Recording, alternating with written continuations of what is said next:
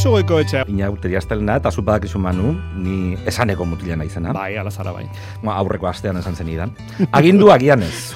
Esan bakarrik, iradoki. Iradokiz. Baina ez da erraza, ez pentsatu, inauteri buruz arituko den poema liburu bat aurkitzea. Eh, Beraz, hainbat autoreren bertsoak ekarri ditut. Inauterien e, jirabira honetan. Beraz, bertsoa gaur, ez da bersolari. Gaur bertsolariak, bertso sorkuntzak, eh, denak ez dira bertsolariak, apaizen bat ere ekarriko dut. Eh?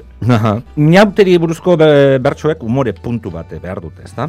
E, umorezko lerkiak, batzarriko literaturetan, beti edo ia beti, idatzi dira bertso lerro neurtu eta arrimatuetan. Mhm. Eh? Rimak eta neurriak ematen dielako alako barintasun jolasti bat e, bertsoa, ezta? Mhm.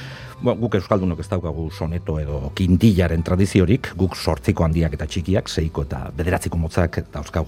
Eh, ezaguna dira, kadizko, nola dira? Kadizko... Bai, ez, ez nola segidi Txirigotak, baina txirigotak, Txirigotak, txirigotak, ba, antzeko, antzeko zerbait. eh, Bai, bai, bai. Bueno, Bai. em, maskaradak, bueno, erdibidean daude, oraindik ez dira bukatu, baina, bueno, gaur tolosa da, Euskal Inauterien herria, hori hala da. Eh? Baina esan behar dut, iraganeko bertsoetan arakatuta, Erramos Azkarateren galtzaun diren bertso ezagunetatik, arago, eta tolosari protagonismo pixka bat kenduz, badirela mila sortzireun eta hogeita marreko berso batzuk. Eh, Gipuzkoako hiriburuan Donostian inauteriak bizi-bizi zeudela era, Ah. erakusten digutenak. Eh? Oso zarrak ja. Bizente Etxegarai bertso jartzaile eta orduko lang, eh, udaleko langileak idatzitakoa gantza, jai giro guztietan idazten zituen gizon honek bertsoak. Mhm. Beraz, ez dira atzo goizekoak, kalderero, txorroskilero eta bugamen mozorroak. Eta berso hauek, pentsa, eh? Iaia berren urte dauzkan. Ia berreun urte, esan bezala Donostiari buruzko bertsoa dira, Donosteko inauteri buruzkoak, e, mila sortzeun da hogeita Bai. margarren urteko bertsoak. Hori da. Eh, Ja. i- hiru irakurriko ditut, gehiago Bai. daude, baina nik hiru irakurriko ditut. Osongi.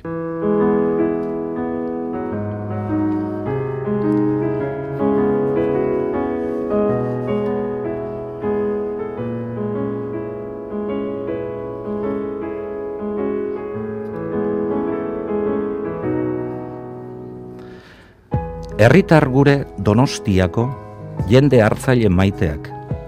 Ditugu guztiz gauza ederrak ugari eta merkeak.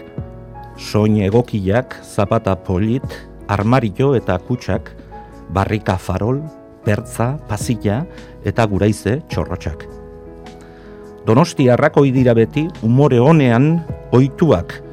Inauterian ageri dute bertako kanta soinuak. Gaur bertan ondo degu erakusten bere langile maisuak. Goizetik arrats, geroni eta Andreak divertituak.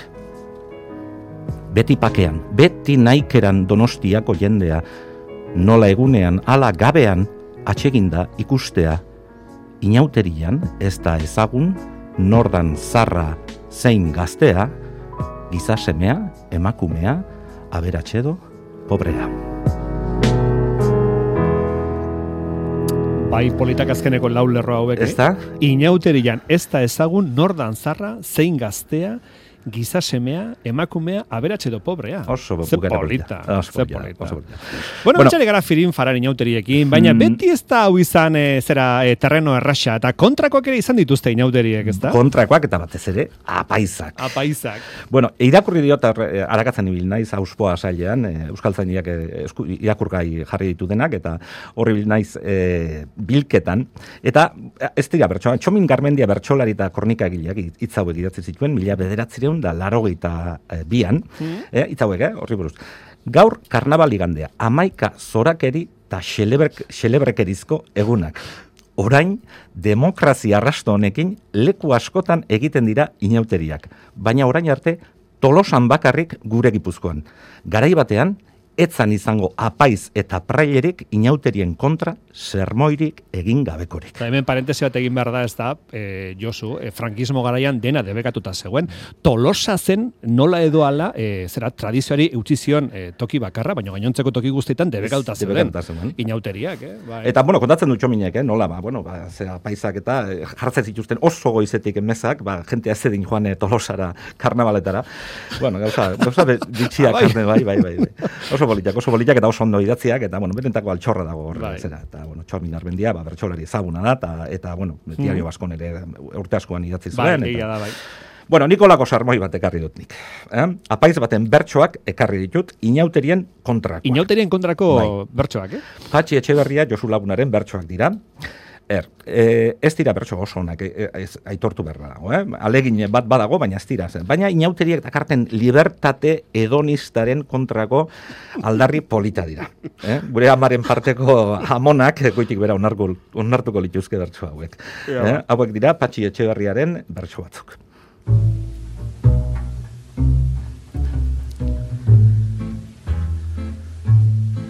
Iauteri dugu gaur zoroen eguna, Euskaldunok inondik beharrez deguna.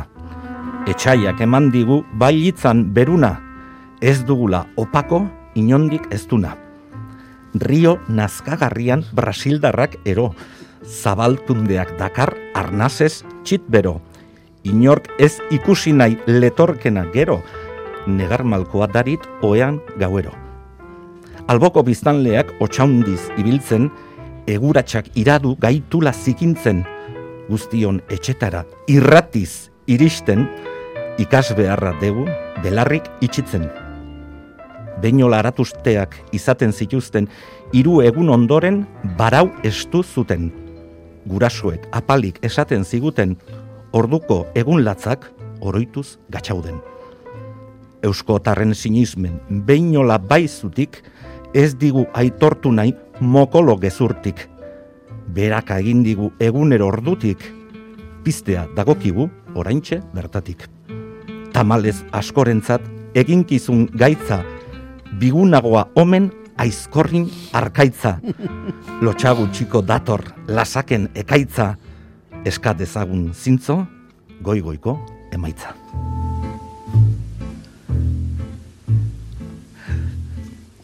Ze polita hori, ezta? Oso polita. Par- Bigunagoa omen aizkorrin arkaitza. Bai, eta gero bestea, Rio nazkagarrian Brasildarrak ero, bueno, eta horren aurretik, inauteri dugu gaur, zoroen eguna, Euskaldunok inondik behar ez duguna. Ojo. Eh? Ojo. Oso polita. bueno, ondo. ondo ez noizan irakurtzea. Bai. Bueno, eta maitzeko, Peio Esnal e, idazle eta bertso jartzailearen bertso batzuk ekarriko dituna, neure burua oso ondo izpilatzen dituztelako bertso hauek, eta seguruenik entzule askoren buruak. Mm. Mozorrotu, zergatik. Ze lotxa. Ze lotxa. Baina aldi berean, ze poza eguneroko jantzia erantzi eta mozorroari esker beste bat izateak dakarrena. Bertso hauetan, eh, esnalek mozorrotu nahi ez duen buru hotza batetik eta mozorratu beharra duen bihotz beroa elkarrizketan jartzen ditu. Lehenengo sarrera bertso bat eta gero bihotza eta burua, burua eta bihotza orden horretan hasiko dara dira hizketan. Bai?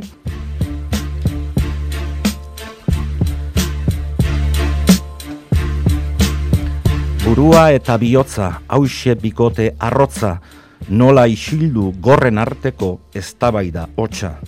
Bata sakon eta hotza, bestea mingain zorrotza, bikaiku hauen borrokaldia ezin izan motza. Burua. Iauteri jaien mende ikusten dut zenbait jende ezin da festarik egin maskaratu gabe. Oiturak jaun eta jabe izan dira mendez mende, horiek eren noizbait aldatu beharrean gaude. Biotzak. Nahikoa dugu ez segi, hitz egin duzu gehiegi, iauteriak disfrazik gabe ez dira iauteri. Lotxati zara ageri, memoriaz oso eri, maskaratzeko duzun beldurra ez ezkuta niri. Buruak. Iauterietan zehar errespetoa hiltzear. Zorakeriak bidea zabal lotxak berriz mehar. Gero amaika ez behar, etorritakoan negar, gizalegeak ez luke inoiz jairik izan behar. Eta bihotzak amaitzeko. Zer lege eta zer arau horrek gutxik kezkatzen nau, lehen ere triste pasa ditugu, nor daki zenbat gau. Jaiak datoz eta riau, gero egingo dugu barau. Nolabait postu beharra dago, bizitza ilunago.